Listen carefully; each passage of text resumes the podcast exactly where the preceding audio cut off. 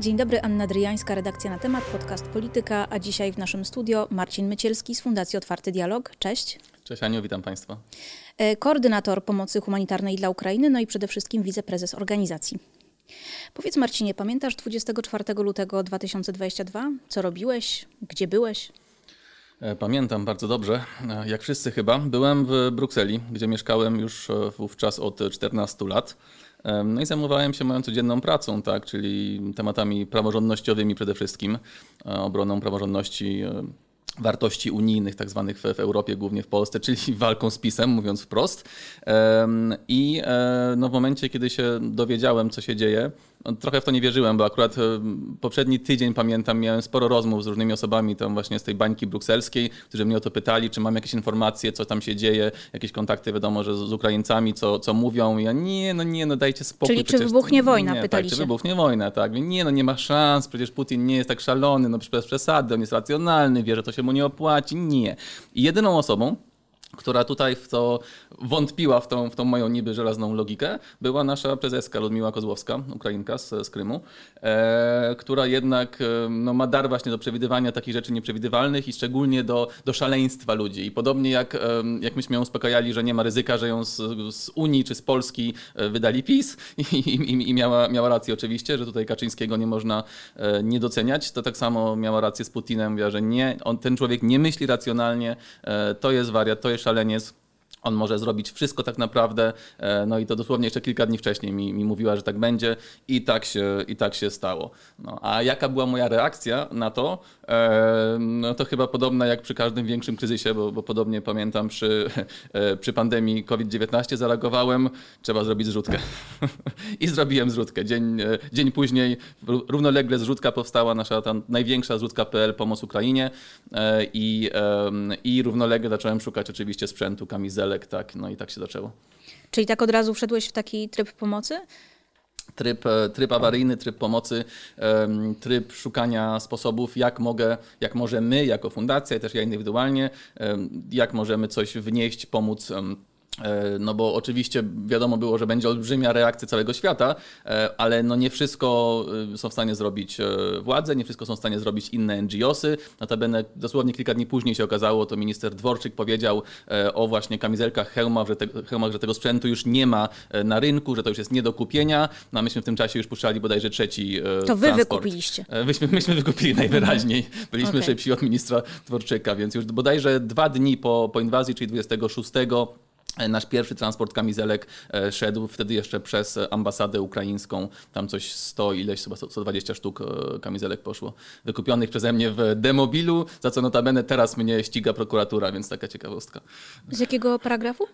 E, z takiego, że próbują udowodnić, że oni to wpisali w większe postępowanie na temat Bartka Kramka i, i jakoś to próbują chyba z nim połączyć. Pewnie założyli, że może on za tym stoi. Nie, nie wiedzieli wtedy jeszcze, że, że to ja akurat tym się zajmowałem i próbują udowodnić, że po pierwsze e, to było nielegalne, no bo, bo kamizelek nie można kupować e, bez koncesji, tym bardziej przewozić, wywozić z kraju. E, oczywiście pomijają fakt, że to były kamizelki z demobilu, ergo z założenia no, legalne normalnie w, w wolnym obrocie. Po drugie próbują udowodnić i wysłali pisma do ambasadora ukraińskiego, do, do, do demobilu, do sklepu, w którym te kamizelki kupowaliśmy, pisma z, z, z żądaniem wyjaśnienia dokładnie co to były za kamizelki, ponieważ ponieważ według nich te kamizelki tak naprawdę narażały życie tych, tych Ukraińców, bo że były z demobilu, tylko też oczywiście brak wiedzy tutaj ekspertów z prokuratury, bo to były kamizelki ze z wkładami balistycznymi stalowymi, które no, się nie przeterminowują, tak? czyli no, zachowują swoje wszystkie właściwości balistyczne tak długo, jak ktoś ich nie przestrzeli, no to działają tak samo, jak jakby kiedy były nowe oczywiście. E, więc, więc tutaj one są w pełni bezpieczne, zresztą myśmy potem też robili masę testów, więc to, to jest wszystko pewne. Natomiast oni próbują udowodnić, że to było A nielegalne, B myśmy świadomie, celowo pewnie narażali życie Ukraińców, tak? czyli znowu narracja o pewnie rosyjskiej agenturze, że my tutaj chcieliśmy e, jakoś e, narażać e, wojska ukraińskie, tak, biednych, dzielnych Ukraińców, E, wysyłając im felerne kamizelki. Mhm, ale rozumiem, że ukraińscy żołnierze y, te kamizelki przyjęli. Oczywiście przyjęli i, i, i, od tego czasu myśmy te kamizelki już tam dostarczyli no, ponad 5 tysięcy grubo, e, więc te kamizelki już no, przeszły chrzest boju wielokrotnie. Wiemy, e, znaczy tylko do nas dotarły informacje o 15 bodajże przypadkach, kiedy nasza kamizelka uratowała komuś życie, tak? No, czyli bez tej kamizelki, no wiadomo, jakby się to skończyło, więc e, no, a już pomijam oczywiście po drodze wszystkie testy, które myśmy przeprowadzali, bo wpierw to były kamizelki, które myśmy skupowali właśnie z, z demo, demobili, e, potem to były kamizelki normalne, nowe, które no, nam się udało znaleźć gdzieś tam po całym świecie, nie wiem, z Izraela, z chyba nawet z Singapuru jakieś próbowaliśmy. W każdym razie to były kamizelki normalne z certyfikatem, bo tam tutaj akurat trzeba przyznać e, PiSowi, że próbował jakoś ułatwić tą procedurę. Wprawdzie skomplikował, jeżeli chodzi o biurokrację, ale umożliwił e, organizacjom, firmom czy osobom bez koncesji nabywanie takiego sprzętu, e, póki on jest przesyłany, czyli to idzie tranzyt na, na Ukrainę. To rzeczywiście taka, powstała taka możliwość i myśmy te kamizelki przesyłali właśnie tak, tak zwanym tranzytem przez Polskę na, na Ukrainę. Więc były te kamizelki nowe, one były potwornie drogie, no i też się szybko skończyły. Więc potem e, zaczęliśmy naszą własną produkcję i, i powstała tu no, dość blisko zresztą w Warszawie przy Kolejowej nasza własna manufaktura e, kamizelek. E, no i tutaj musieliśmy tą technologię tak naprawdę opracować trochę, trochę sami, no bo to nie jest coś, co można znaleźć na, na YouTubie, jak, jak stworzyć wkład balistyczny do, do kamizelki, odpowiedniej klasy balistycznej. No i myśmy te, te kamizelki rzeczywiście zaczęli tworzyć, te wkłady sami z, ze stali, czy no nie sami, tylko Oczywiście z pomocą tutaj odpowiednich e, firm e, wycinać, wyginać, e, hartować, potem oklejać takimi specjalnymi warstwami antyrykoszotowymi, amortyzacyjnymi itp. One przechodziły potem testy, w których nam pomagali żołnierze sił specjalnych, nie będę mówił, które jednostki, bo, bo no nie było to oczywiście oficjalne, natomiast one były, jak to się mówi, przestrzelone wielokrotnie z, z każdej możliwej broni, zgodnie z procedurami testowymi, tak więc tutaj myśmy mieli pewność, że one mają odpowiednik czwartej klasy balistycznej, czyli to normalnie, co jest to no de facto najwyższa klasa, najwyższa odporność tak, na, na pociski, e, du, znaczy dużego kalibru, czyli no, z, z, z Kałasznikowa, tak, z, z broni automatycznej, więc to wszystko one przeszły, no i potem te kamizelki już myśmy dalej e, na Ukrainę dostarczali i dalej to robimy. Mhm. Mówisz, że tym pierwszym twoim odruchem było zorganizowanie zbiórki.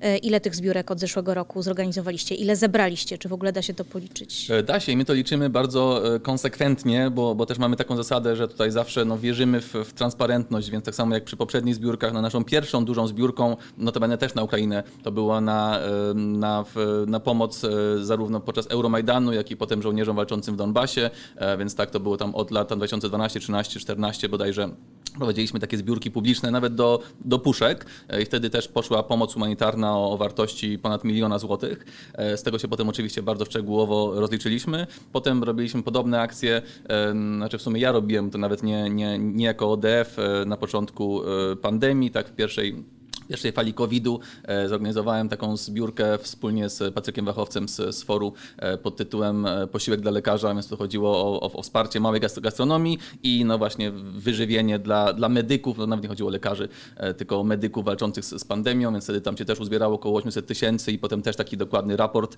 z tego no, publikowaliśmy, bo potem to już oficjalnie robiłem jako fundacja. E, no i teraz e, od początku tych zrzutek już powstało z 5, 6, 7, nawet nie wiem dokładnie. W każdym razie e, największa, no ta właśnie wspomniana zrzutka.pl Pomoc Ukrainie zebrała prawie 3,3 miliona złotych. Pozostałe tam po kilkaset tysięcy, zależy od której. Więc w sumie, w sumie pomoc, którą zebraliśmy, wartość pomocy, bo tu mówimy o zrzutkach tak w, sensie dosłownym, mówimy też o, darowiznach, oczywiście zarówno zarówno finansowych, jak i rzeczowych, no bo tutaj też od samego początku zgłaszają się firmy, darczyńcy, e, nie wiem, producenci różnego rodzaju sprzętu, którzy po prostu dają darowizny, często całe palety jakichś, e, jakichś różnych no, pomocnych artykułów, więc w sumie ta wartość już przekroczyła 33 miliony złotych, więc, więc to jest no, na, na, na moją wiedzę no, to jest największa pomoc, jeżeli chodzi o organizacje pozarządowe w, zagraniczne, bo nie, nie samej Ukrainie, ale zagraniczne wspierające e, wojsko przede wszystkim, e, czyli, czyli ZSU, czyli Siły Zbrojne Ukrainy, no to to jest, to jest największa, największa pomoc, o ile wiem. Mhm. No i tutaj trzeba, warto dodać, że wy tę pomoc dostarczacie mm, osobiście konwojami. Właśnie, to jest tak, to jest, to jest bardzo słuszna, mm, słuszna uwaga, bo y, wiele jest oczywiście organizacji, które, które zbierają, więc tutaj my nie jesteśmy absolutnie największą, tak, są, są inne, które, które pomagają, które robią zbiórki, które pomagają uchodźcom oczywiście, y, dużo bardziej znane oczywiście organizacje od, od naszej, dużo większe, y, natomiast faktycznie mm, większość jednak robi to w sposób taki powiedzmy bezpieczny, czyli dostarczają ten sprzęt, no czasem nie wiem, znaczy, na początku to było w ogóle do Lwowa, dalej się bali jechać, potem do Kijowa, czasem do Charkowa, ale zawsze on jest przekazywany komuś, to potem ma ten sprzęt, czy te, te artykuły, tą pomoc dostarczyć tam do odpowiedniej jednostki, już tam na, na front. To e, oczywiście jest zupełnie zrozumiałe, no, że, że większość, większość osób, szczególnie takich no, organizacji, nazwijmy to tradycyjnych, które po prostu no, tutaj pracują na, na miejscu w Polsce, no to nie będzie nagle jechała w, w strefę wojny, tak? E, więc, e, więc problem z tym jest e, taki, że niestety bardzo często te, te dary po prostu nie docierają do, do, do, do, do danego miejsca, do danej jednostki na froncie, ponieważ one są tak samo potrzebne wcześniej, tak? Czyli tak naprawdę wszystkie miasta, miasteczka pomiędzy Kijowem a, a, a Donbasem e, są tak samo zrujnowane, tak samo mieszkają tam, tam, nie wiem, pojedyncze osoby, które nie mają wody, prądu, e, gazu, jedzenia, tak samo tego potrzebują. Więc jak się takie dary zostawi, tak? za- Zarówno oczywiście pomoc humanitarną dla, dla cywili, jak i ten sprzęt dla, dla wojska. Jednostki wojskowe tak samo są tam wszędzie też, e, też rozstawione i też potrzebują tego samego sprzętu, tak? Więc, więc po prostu ta, ta pomoc e, bardzo często zostaje w tym miejscu, gdzie się ją, gdzie się ją wy- wyładowało i, i nie trafia do tych no, najbardziej potrzebujących, tam gdzie jest, jest potrzebna najpilniej, czyli właśnie no, chociażby w takim, w takim Bachmucie, więc, e, więc dokładnie tak. To, to jest taka nasza filozofia. E, Też tego się nauczyliśmy dopiero po pewnym czasie, bo, bo wpierw robiliśmy tak samo oczywiście. Nasze transporty na początku szły właśnie do, do Lwowa, może gdzieś tam potem kawałek dalej i potem mieliśmy niby tam z kimś załatwione, że ktoś to odbierze, dowiezie, tak, no a potem były przypadki takie chociażby, że z naszego magazynu w Lwowie e, skradziono e, cały ładunek, e, już nie pamiętam ilu, kilku chyba set kamizelek kuloodpornych, e, trochę innego sprzętu, skradziono. Potem to policja, co ciekawe, odzyskała, ale sąd to potem zamroził, bo sąd nie wiedział, sąd tam na miejscu ukraiński w Lwowie, nie wiedział w sumie co z tym zrobić, no bo to jest sprzęt koncesjonowany, który powinien iść dla, dla wojska, no ale tutaj my się domagamy tego zwrotu właśnie, no bo to jednak no, był oficjalnie nasz sprzęt i rzeczywiście przez ileś tygodni ten sprzęt w tym w tym jakimś depozycie e, sądowym e, po prostu zalegał, zamiast e, chronić życia na, na froncie tak, ich własnych żołnierzy, to sąd go trzymał, bo po prostu nie miał procedury, jak go nam wydać. Tak? No więc tego typu absurdy były. A notabene, jak się okazało, potem jak schwytali właśnie tych, tych złodziei, to też to nie byli zwykli złodzieje, tylko po prostu osoby, które też chciały ten sprzęt wykorzystać i tam przekazać potem jakieś swoim jednostkom, nie wiem, swoim walczącym braciom, kuzynom. Więc to też nie jest, e, nie jest tak, że, że, że tutaj są sami złodzieje, tylko po prostu no, każdy ma takie potrzeby. Więc jeżeli tam się nie dostarczy tego bezpośrednio danej jednostce, danym osobom, no to rzeczywiście jest duże ryzyko, że to po prostu tam nie, nie dotrze. Czyli jeździcie z tymi konwojami właśnie dlatego, że chcecie się um, upewnić, że to dotrze na przykład do takiego Bachmutu, powiedzmy. Dokładnie tak, dokładnie tak. No i też e, sami tą, tą linię trochę przesuwamy, bo, bo w poprzednie konwoje, ja byłem, w, byłem współorganizatorem dwóch takich dużych e, właśnie konwojów. Ten pierwszy był w e, w październiku e, i tam myśmy jechali razem, co ciekawe, z, z wyborczą, z konkurencją waszą, e, ale, ale był fajny wspólny wyjazd rzeczywiście. I to był wyjazd taki już bardziej no, z humanitarką, ale też tam trochę dronów przewieźliśmy, ale wtedy też się baliśmy jechać dalej, więc bodajże najdalej zajechaliśmy do do Kupiańska, e, czyli, czyli to też, no oczywiście wiadomo, już jest e, blisko powiedzmy, ale to jest daje tam no rzędu, nie wiem, 100 km powiedzmy od, od, od samego frontu, tak, może trochę mniej. E, nie, no mniej, bo, bo rzeczywiście było słychać e, huki, huki e, artylerii, ale, ale w ogóle nie było pomysłu, żeby jechać dalej i to też jest ciekawe, jak się ta, tak psychicznie ta granica przesuwa, że na początku, jak myśmy jechali do Lwowa, to było tak, Jezus Maria, przejdziemy przez granicę i to już będą spadały zaraz bomby, nie? Okej, ale wszystko jest okej, no to jedziemy dalej, potem jedziemy do Kijowa, no to przecież Kijów, to przecież zaraz tam nas bombardują, tam już jest wojna, tam już pewnie czołgi wszędzie, e, ale jest okej. No i tak właśnie tą granicę przesuwaliśmy. Wtedy jazda już e, za, za Charków, czyli tam, gdzie faktycznie już są te, e, te, te tak zwane blokposty, czyli po prostu już tam wojsko stoi, czy są też wcześniej blokposty, ale takie no, policyjne powiedzmy, a później są już te wojskowe, kiedy wojsko pilnuje, że tam już nikt nie może formalnie wjechać poza no, oczywiście wojskowymi, dziennikarzami, no, albo trzeba mieć specjalne takie przepustki, takie mm, papiery od, od wojska, żeby przyjechać. Więc już tam jazda, no to było po prostu, myśmy się czuli, że jedziemy na, na front, że to zaraz nas ostrzelają i faktycznie już tam gdzieś na poziomie Izium, czyli kawałek za Charkowem, już wojskowi nam mówili na właśnie na tych checkpointach, że tu już kamizelki załóżcie, tutaj już hełmy, bo tu już w każdym momencie może się coś stać. No i było tam gdzieś tam w oddali słychać jakieś, jakieś strzały już powoli, e, więc myśmy byli cali przerażeni, że w ogóle Jezus Maria, gdzie my wjeżdżamy. E, no a potem się okazało, że do tej linii frontu, tam gdzie faktycznie jest niebezpiecznie, no to jeszcze jest 100-200 kilometrów, tak, więc... em, więc rzeczywiście ta granica tak się przesuwała w nas psychicznie. Chyba podobnie też słyszałem od, od wielu innych osób, które tam, tam jeździły. I, i, I rzeczywiście w pewnym momencie się okazało, że tak naprawdę do no, samego powiedzmy Bachmutu, już tam powiedzmy okej, do Konstan- Konstantyniwki, Kramatorska, czyli tam już powiedzmy w odległości 50, 50 km od, od samego frontu, e, od pozycji ruskich, to jeszcze no, jest powiedzmy względnie bezpiecznie. Tam rzeczywiście, no teraz ostatnio właśnie były ataki właśnie na, na na Kramatorsk i na Konstantyniwkę rzeczywiście e, i tam trochę spadło pocisków, ale, no, ale to był pierwszy raz od dłuższego czasu, więc tam, tam normalnie jest względnie spokojnie. Słyszy się oczywiście cały czas ten huk artylerii, e, czuje się w powietrzu, to jest ciekawe, że tam się czuje w powietrzu cały czas zapach prochu. Jak się wjeżdża już w tą strefę, właśnie mówię, około 50-40 km od, od frontu, cały czas w powietrzu jest ten proch. I to jest takie, takie poczucie takiego niepokoju, bo w tle te, te huki, ten proch w powietrzu. E, ale co ciekawe, na miejscu ludzie do tego zupełnie przywykli, więc ci wojskowi tam się po prostu czują zupełnie bez, bez kamizelek, bez hełmów, ludzie chodzą normalnie. Dzień jak co dzień. Życie się dokładnie toczy, dzień jak co dzień. No wiadomo, że tam mieszka oczywiście mniej mniej ludzi, ale, ale się życie toczy normalnie, więc myśmy też tam przyjechali w kamizelkach, w hełmach, tak, a tutaj no, normalnie się toczy życie, nie? Zapach prochu to jaki? Możesz opisać? Porównałbym, tutaj można na przykład czasem, e, jak się zapałkę zapala i, i potem czuć tą, tą, tą siarkę taką. Więc to jest, to, jest, to jest taka, wydaje mi się podobny, czy to jest zapach siarki podejrzewam, bo, bo tak mi się naj, najbardziej kojarzy. Tylko bardziej intensywny, taki gęstszy, on, on, nie jest nieprzyjemny. Ja, ja sam też znam osoby, które z nami były. Jeden poseł, mogę powiedzieć, który z nami był, który powiedział, że on ten zapach kocha po prostu. Bo on już nie będę mówił który, bo nie wiem, czy chce, żebym to mówił, ale on, no powiedzmy, że lubi, e, lubi adrenalinę i, i, i, i, lubi akcję, jak to mówi, też sam tam strzela trochę i itp. I on powiedział, że po ten zapach właśnie mu daje energię skacze mu adrenalina, więc rzeczywiście no, no jest takie uczucie, że, że ten, ten zapach takie sprawia wrażenie, że okej, okay, coś się wokół nas dzieje, jesteśmy w miejscu, gdzie rzeczywiście teoretycznie, technicznie rzecz biorąc, w każdym momencie może coś się stać, więc e, z jednej strony jest, jest, no wiadomo, duże ryzyko, ale też wiemy, że rzeczywiście, jeżeli tutaj dotarliśmy i tutaj tą pomoc dostarczamy, e, no to nie, nie każdy to, to robi. Czyli ta, ta pomoc jednak jest bardziej wartościowa, jeżeli właśnie ją w tej strefie dostarczamy, gdzie no czuje się tą, tą wojnę po prostu. Mhm. A co wywarło na tobie największe wrażenie z tego, co zobaczyłeś, będąc na Ukrainie? Hmm. Dobre pytanie. W, na pewno to wrażenie się zmienia za każdym razem, jak mówiłem, im się dalej pojedzie, e, inne rzeczy potem e, to, to wrażenie sprawiają rzeczywiście, no bo na początku to wystarczyło przejechać już przez Charków, jak się widziało e, po zmroku, miasto ciemne, no zero prądu, czyli nagle o, o 10 tam w ogóle jest, jest godzina policyjna i, i miasto wymiera całkowicie, więc pamiętam, że myśmy z kolegą tam byli, dostaliśmy trochę dłużej w centrum miasta, bo jakoś tam nie mieliśmy możliwości powrotu i nagle po prostu zrobiła się się totalnie ciemno, e, zero świateł, tylko samochody przejeżdżające, więc tylko światło samochodów. E, i musieliśmy jakoś wrócić. Oczywiście, tam metro już, już nie działało. I taki był trochę szok poznawczy, no bo miasto wymarłe, ciemne, wiadomo, że boją się w każdym momencie może być ostrzał. E, nie ma prądu też, e, a nagle tutaj patrzymy na aplikacji Ubera, że normalnie jeżdżą Ubery, więc to taki trochę szok, nie? No i Uberem normalnie wróciliśmy, więc to był taki pierwszy szok, a to był Charków, tak, więc to jeszcze strefa no de facto bezpieczna zupełnie. E, no i potem im się tam dalej jedzie, tym te miasta są bardziej wymarłe.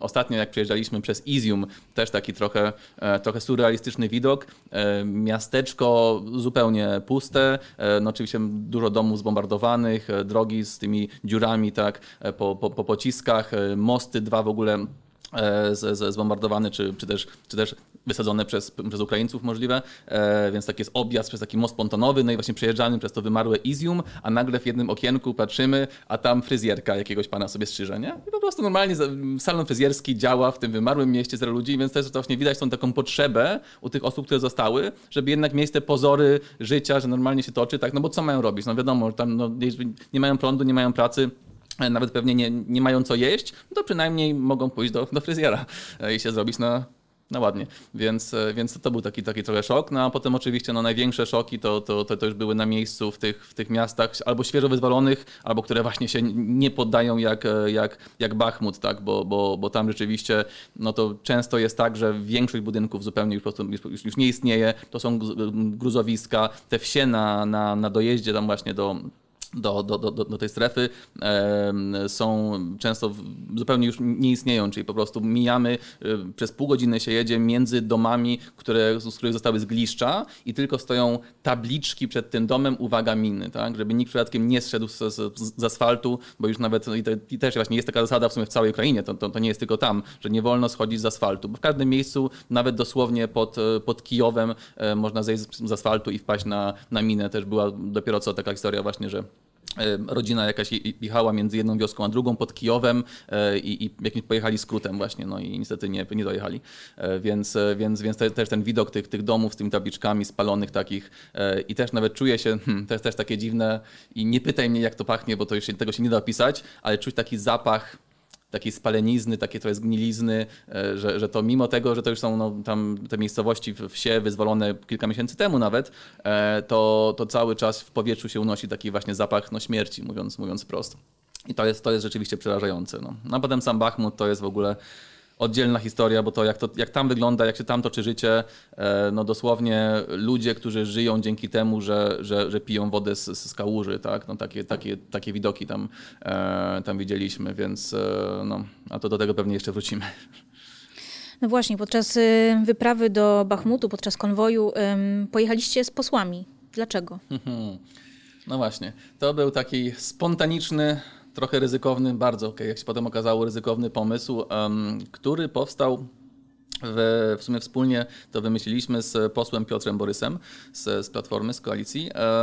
Wracając z Lwowa, gdzie drony dowieźliśmy, szukaliśmy pomysłu, co można zrobić nowego. No bo problem u nas był, był taki w fundacji, że już od mniej więcej no od końca wakacji te wszystkie nasze zbiórki, zrzutki no zaczęły powoli zamierać. Tak? Czyli jednak e, poczuliśmy w pewnym momencie, że Polacy to, co mieli bardzo hojnie oczywiście już, już dali, no ale powoli chcą wrócić do, do, do swojego życia, tak, no wiadomo, priorytety e, też się zmieniają, no i też ile można no, żyć tym samym, powiedzmy, nie wiem, problemem, tą samą tragedią i, i to jest jakby zupełnie zrozumiałe. Że no plus momencie... jeszcze oprócz tego wyprztykania się ten drobiazg, jakim jest inflacja, tak? No oczywiście, no więc dokładnie, więc jeszcze w sytuacji aktualnie ekonomicznej w Polsce tym bardziej stało się to trudne, żeby tutaj, jak ludzie często nie są w stanie e, sami siebie utrzymać swoich rodzin, no to jeszcze mają tutaj wspierać m, mm, ludzi, tak, znaczy Ukraińców, którzy z jednej strony oczywiście, oczywiście tam walczą na froncie za naszą też wolność, tego Polacy nie zapomnieli, no ale z drugiej strony są też już u nas od, od wtedy już, nie wiem, kilku miesięcy, pół roku. E, my im jako państwo też oczywiście pomagamy.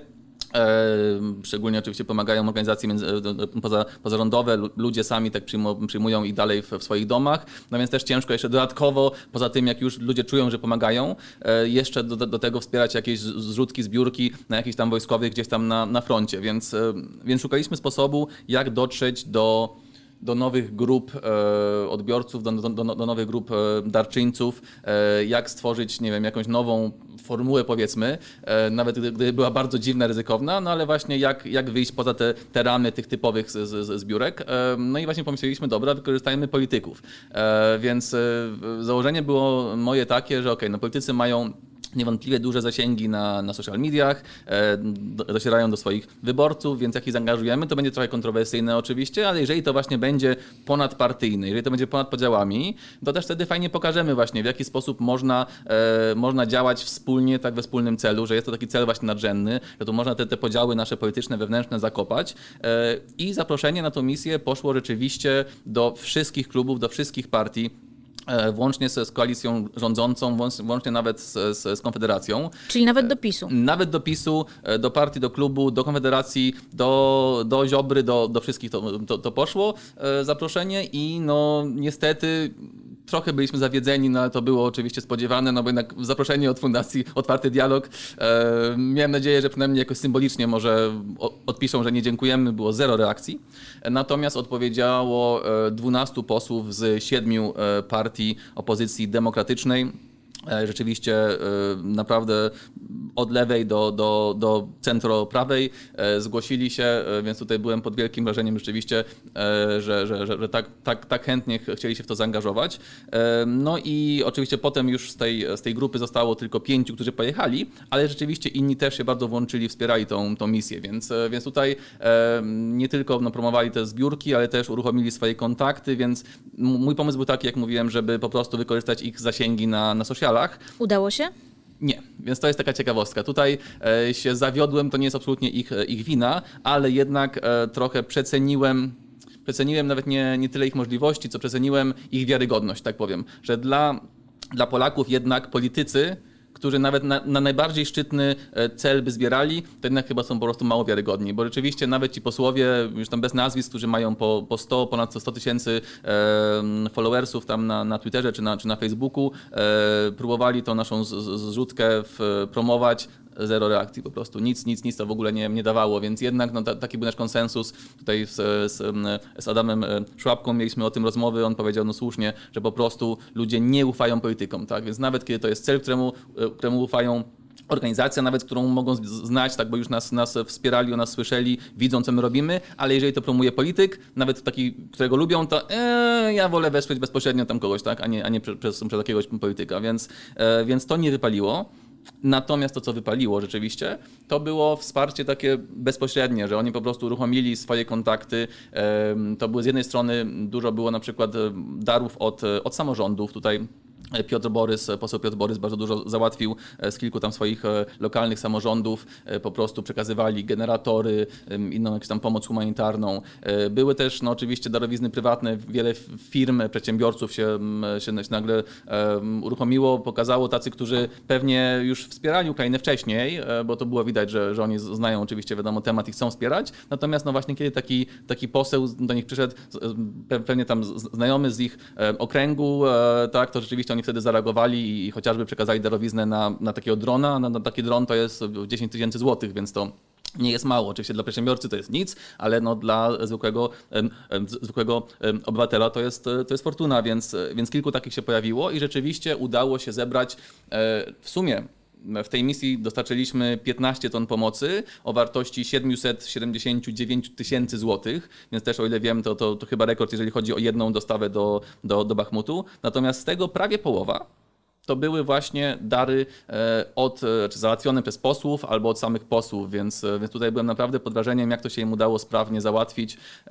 Każdy poseł na swój sposób tam coś, e, coś zadziałał. Nawet posłowie, posłanki, którzy z nami nie jechali, bardzo dobry przykład Magdalena Sroka z, z porozumienia e, niejakiego nie, Gowina, co ciekawe. No już jej, bo ona już, już jest prezeską. Już, jedno, dokładnie tak jest, tak jest prezeska, dokładnie. Nie, tam tego dokładnie nie śledzę, ale tak słyszałem, więc tutaj dla niej gratulacje, że właśnie mimo tych swoich tutaj różnych e, politycznych e, przygód, perturbacji e, załatwiła e, 10 kartonów środków medycznych i po prostu tam zebrała to w swoim biurze poselskim, widziałem to rzeczywiście, po prostu kartony, biuro wyładowane kartonami e, i to zawieźliśmy. Naprawdę e, bardzo konkretna pomoc, poszło prosto do do, do wojskowych na, na froncie. Więc tutaj każdy poseł, posłanka, którego, czy którą zaangażowaliśmy, w jakiś sposób coś tam załatwili, e, pogadali, e, no i też się przede wszystkim zrzucili na paliwo, więc tutaj też trzeba im przyznać, z, z własnej kieszeni.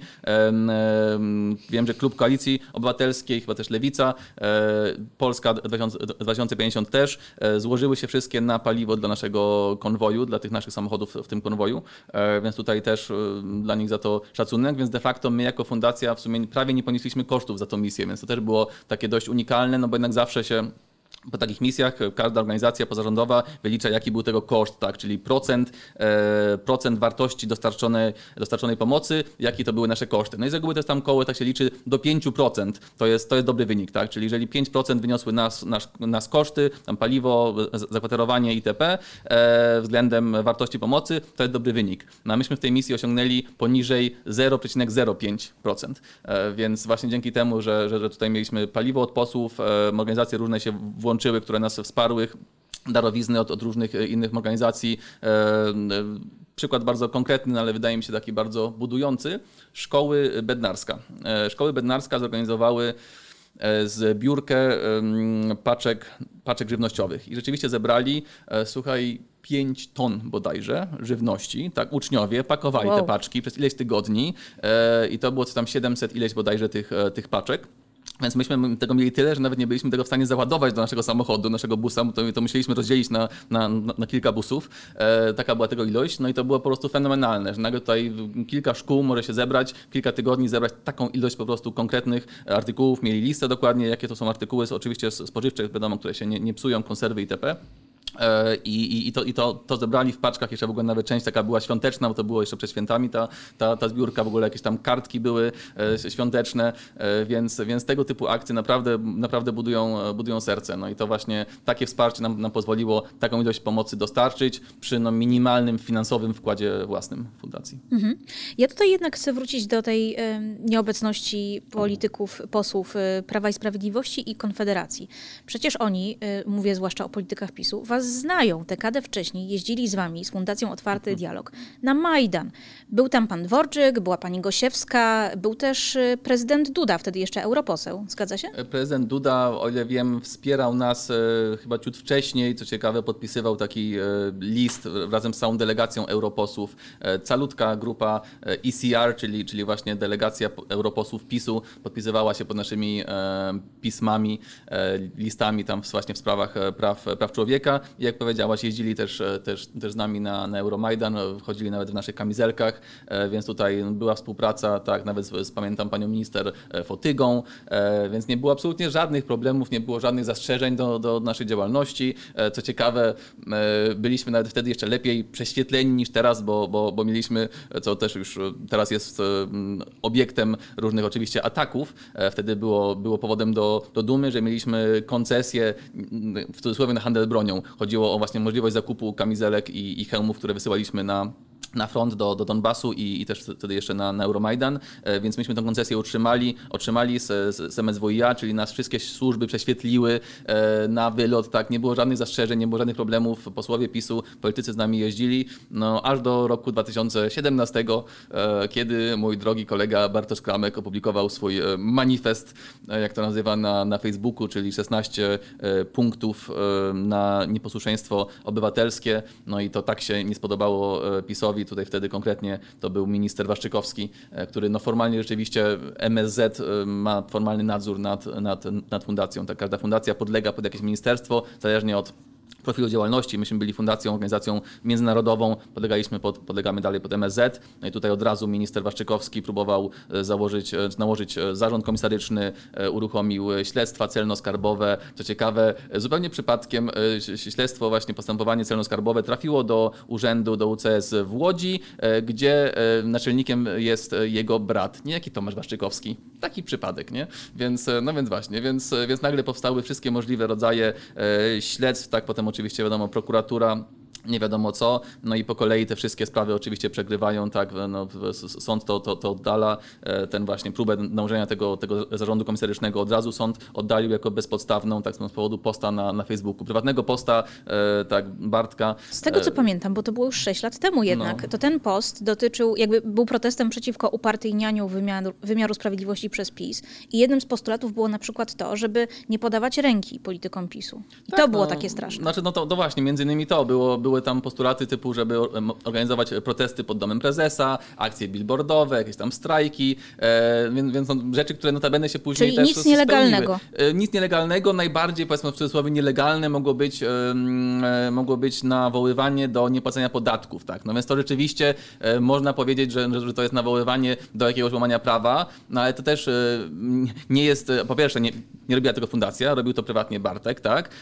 Po drugie, no to są wszystko rzeczy, które te, też się normalnie spotyka w, w, państwach autorytarnych, gdzie rzeczywiście e, władza e, to prawo łamie, nagina pierwsza, tak? czyli, czyli ta, ta praworządność już, już kuleje. Mówimy, pamiętaj o czasie, kiedy były te największe protesty tak, na rzecz e, sądownictwa, niezależności sądownictwa, no to wiadomo, że, że im, im ta władza tą praworządność bardziej osłabia, no tym twardziej trzeba się temu, temu przeciwstawiać. Tak? Więc tutaj Bartek oczywiście no, zaproponował dość daleko idące, wówczas by się wydawało, E, te, te, te kroki, natomiast tych kroków potem i tak się większość spełniała. Tak? No, sam organizowałem przecież zbiórkę na, na billboardy w, w całej Polsce tak? z, z palcem słynnym, nie będę pokazywał e, posłanki Lichockiej e, i, i potem z Dudą i kilka innych, w sumie powstało 450 tych billboardów, więc, więc tego typu kroki i tak były potem wcielane w życie, natomiast wtedy to się wydawało takie szokujące, ale co ciekawe, podobnych list postulatów była, była masa, tak więc też różne inne organizacje, kody, obywatele RP, aktywiści też też podobne, e, podobne postulaty publikowali, podobne listy tworzyli, więc to nie było też aż tak, to jest całym szacunkiem dla Bartka, ale nie było to aż tak jakieś skandaliczne, nowatorskie, bo to się pojawiało, ale ministra Waszczykowskiego zabolało to, uwaga, uwaga, sam to przyznał, to ciekawe, w wywiadzie, nawet chyba w dwóch wywiadach, jeden dla Radia Z pamiętam, przyznał wprost, że to, co go wystraszyło w tym manifestie, E, to nie nawet same te kroki, jakie, jakie one były daleko idące, tylko że on już znał naszą fundację wcześniej e, z tego, jaka jest skuteczna na forum międzynarodowym. I on przyznał wprost, że on pamięta, że otrzymywał e, maile od, od pani Kozłowskiej, tutaj, która się domagała tutaj wsparcia tam jakiegoś listu w sprawie praw człowieka w Kazachstanie, w Azji Centralnej i że on zobaczył, jacy my jesteśmy skuteczni, jak skutecznie wysyłamy maile, i powiedział wprost, że, że w tym momencie jego wystraszyło, że my możemy być równie skuteczni w walce z w cudzysłowie Polską, czyli z, rządem PiS na arenie międzynarodowej. I to uznał za, za zagrożenie dla bezpieczeństwa w ogóle kraju. I powiedział to wprost po prostu. No więc, czyli, czyli całe to cała ta przygoda, cała ta nagonka już na nas od, od 6-7 lat wzięła się stąd, że minister Waszczykowski uznał, że możemy być zbyt skuteczni w walce z PiSem na arenie międzynarodowej. Po prostu. Mhm.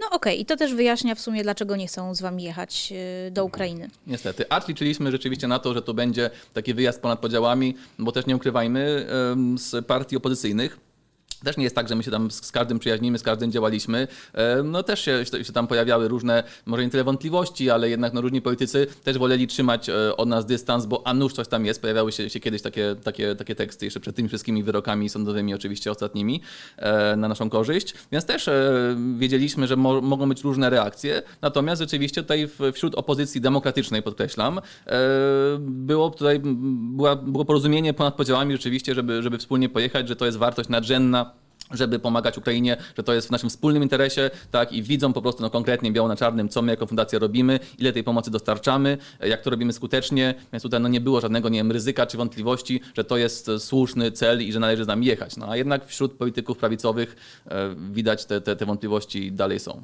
niestety. Zadam Ci pytanie, na które pewnie nikt nie potrafi odpowiedzieć, ale mimo wszystko, czasami trzeba zadawać takie pytania. Kiedy skończy się wojna w Ukrainie? Kiedy Putin odpuści albo kiedy ktoś, kto będzie po nim rządził Rosją, hmm. odpuści? Hmm ilu osób spytasz, tyle będziesz miała odpowiedzi. Ja tutaj też oczywiście sam nie jestem absolutnie ekspertem od, od geopolityki, czy, czy tym bardziej spraw wojskowych, czy wojskowości, natomiast, natomiast z moich rozmów przede wszystkim wydaje mi się najbardziej są wartościowe rozmowy z osobami, które tam są na miejscu, tak, z wojskowymi na, na froncie. Rzeczywiście myśmy się e, tam spotkali nie tylko szeregowymi e, wojskowymi, ale też z dowódcami, e, z notabene byłym, byłym ministrem jednym, który aktualnie służy na, na, na froncie. E, no i oni są jednak tam zgodni, że ta wojna się szybko nie skończy, tak? Czyli, że, że tutaj mówimy nawet nie o miesiącach, ale potencjalnie o latach, tak? Oni na, nie widziałem nikogo, kto by zakładał, że ta wojna skończy się w ciągu roku, tak? Że, że, że to do końca tego roku spokojnie potrwa, możliwe, że dłużej. W pewnym momencie, sam podejrzewam, oni też, też chyba są, są, są zgodni, że ten konflikt po prostu trochę tak, tak zamrze. Tak? W momencie, kiedy po prostu już nie będzie rzeczywiście e, wyraźnej jakiejś przewagi e, wojskowej jednej strony nad, nad drugą, czyli żadna nie będzie w stanie już odbić jakichś większych terenów czy, czy zdobyć. To będą takie tam no, ruchy kilometr w tą, kilometr w tą, no, to rzeczywiście e, będzie to, to, co się dzieje też aktualnie, to już coraz częściej widać, czyli tylko ostrzały artyleryjskie coraz mniejsze, no bo też pamiętajmy, że już też się kończy, czy już nawet skończyła de facto amunicja w, po, po stronie rosyjskiej, więc oni aktualnie jak tam jak, jak e, patrzą na numery seryjne e, tych, tych, tych rakiet, pocisków, które spadają, które czasem oczywiście wiadomo nie wybuchają, jak to, jak to pociski rosyjskie, to widzą, że to, że to są numery seryjne e, aktualnie produkowane, tak? Czyli, czyli, czyli oni już skończyły już się im zapasy. Czyli na bieżąco Tylko na bieżąco to, co produkują, to, to wystrzeliwują, tak? I już te ataki są też dużo mniejsze. No, oni byli w stanie kiedyś przecież jeszcze parę miesięcy temu 100 rakiet jednego dnia na, na Ukrainę spuścić, teraz to już jest tam góra kilkadziesiąt, więc więc to będzie taka właśnie wojna na, na wyniszczenie, tak? czyli po prostu bombardowanie już losowo, e, atakowanie oczywiście wiadomo obiektów cywilnych, e, powodowanie kolejnych, e, kolejnych, kolejnych kryzysów humanitarnych, czyli właśnie jak teraz przykład Bachmutu, gdzie rzeczywiście Rosjanie to miasto otaczają. Tutaj Załęski oczywiście mówi, że go nie zdobędą. Ja tu mam, mam swoje zdanie, bo rzeczywiście w pewnym momencie no już tam nie będzie jak tego Bachmutu bronić, nawet jeżeli to jest twierdza, bo tam rzeczywiście się Ukraińcy świetnie zabezpieczyli i przygotowali, e, ale jednak kiedy to miasto będzie ogrodzone i tak jak teraz już będzie ciężko tam cokolwiek dostarczyć, bo rzeczywiście już, już odcinają te, te właśnie drogi dojazdowe, e, no to w pewnym momencie po prostu tam już będzie tak, taki kryzys humanitarny, bo mówimy zarówno o około 8 tysiącach cywili, którzy tam dalej zostali, no i samych wojskowych, których już się nie będzie po prostu dało zaopatrzyć. Więc w pewnym momencie faktycznie oni nie będą w stanie się bronić, nie będą w stanie tam już przeżyć, przetrwać i, i tego typu właśnie takie sytuacje będzie Rosja cały czas tworzyła w kolejnych miejscach, no i w ten sposób będzie zmuszała niestety Ukrainę czy do kapitulacji, czy przynajmniej do zaprzestania e, ataków i, i odzyskiwania tych, tych, tych, tych swoich ziem. E, więc no to, to może potem trwać miesiącami, nawet teoretycznie latami, póki o ile e, Zachód rzeczywiście nie wesprze Ukrainy większymi jeszcze środkami przede wszystkim dostawami sprzętu. To jest to, co to był nasz główny wniosek właśnie z tej wizyty. To posłowie podkreślają, ja też. Tutaj chodzi przede wszystkim o dostawy ciężkiego sprzętu, tak, czyli w tym momencie mówimy o czołgach, ciąg dalszy powinny być. Samoloty bojowe, e, oczywiście ciąg dalszy artylerii, tak, to, to co było wcześniej, HIMARSy itp., e, więc, więc tak długo jak, jak Zachód będzie Ukrainę wspierał i to wsparcie nie będzie malało, tylko będzie rosło, czyli będzie rzeczywiście rosła przewaga e, wojskowa, e, techniczna, technologiczna e, w e, strony ukraińskiej, to wtedy rzeczywiście jest szansa, że po prostu Rosjanie w pewnym momencie będą zmuszeni się wycofywać, kapitulować, ale to, to jest je, je, absolutnie jedyna szansa. Bez tego, jeżeli te, te dostawy nie wzrosną jeszcze bardziej, to po prostu będzie taka wojna na wyniszczenie i, i, i kto pierwszy e, po prostu będzie, będzie już tak głodny, tak wyziębiony, że nie będzie w stanie prowadzić e, walki. Pamiętasz, jak rok temu były takie mm, przypuszczenia, ile dni zajmie to, żeby Ukraina padła, czy Zełęński ym, da się ewakuować Amerykanom, bo przecież była propozycja, że może uciec z kraju. No. Co, jakby co się wydarzyło? Co takiego w Ukraińcach sprawia, że oni się tak dzielnie bronią? No to pytać Ukraińców nie, nie mnie. Tutaj mogę z, z, z, własnych e, znowu rozmów z Ukraińcami. E, mam zresztą dziewczynę e, Ukrainkę, więc widzę rzeczywiście w nich tą, tą, tą taką odwagę, tą taką dumę narodową. To jest, to jest ciekawe, bo tu wiadomo, oczywiście wszyscy mówią o tym, jak są Ukraińcy odważni, dzielni itp., ale co dla mnie jest ciekawe, jak też to jest bardzo często oczywiście atak na naszej prawicy, skrajnej prawicy na, na Ukrainę, tak, że, że, że tam są e, nacjonaliści, tak? I, i, I, to jest też mówione w, sposób taki, że to jest już, już taki rzeczywiście e, agresywny nacjonalizm, tak, no Bandera, UPA i, i, itp., czyli rzeczywiście, że oni nie tylko są patriotami, ale no, że, że jest to jakiś jingoizm, to się, to się wydaje, że nazywa z, z, ich strony. Natomiast u nich to jest postrzegane in, inaczej. Ta duma narodowa, czyli ten taki nacjonalizm nie jest, nie polega na tym, że oni chcą, nie wiem, podbijać inne kraje, tylko po prostu, że tak bardzo im zależy na tej, na tej niepodległości. I, I to im daje taką energię, której naprawdę wydaje mi się, no myśmy nie mieli od pewnie czasu naszych, naszych powstań, może od, od, od, od wojny rzeczywiście. E, bo, bo, bo, nawet to jest, mówię, silniejsze od tego, co, co pamiętamy oczywiście z czasów komunizmu, tak, no myśmy też mieli tą, tą potrzebę, zawsze z tego słynęliśmy jako Polacy, że mamy tą właśnie potrzebę niezależności, wolności, tak, niepodległości e, i, i, i się z, z, z, każdego zaboru jakoś tam wy, wydostajemy, ale u nich to jest, e, ta duma narodowa jest jeszcze głębsza rzeczywiście i ona jest właśnie połączona z takim heroizmem, bym powiedział, trochę, no takim właśnie ułańskim, można powiedzieć, z taką fantazją, z taką... Kozacką z taką, może. Kozacką, o właśnie, dokładnie, dziękuję, tak jest. Kozacka ko, kozacki heroizm, kozacka fantazja do tego, jak się bronić, e, nawet wtedy, kiedy to już zupełnie wydaje się irracjonalne, kiedy nie mają czym. No ja widziałem na własne oczy ich, ich właśnie chociażby e, ich pomysłowość, e, jak oni no, wykorzystują chociażby nasze drony, tak? Są, to są drony cywilne do robienia sobie nie wiem, zdjęć, e, wideo, e, a oni drukują na drukarkach 3D uchwyty, które tam przyczepiają. Do tego e, podczepiają granaty, które na, przykład dają, wkładają w takie plastikowe jajka typu jak,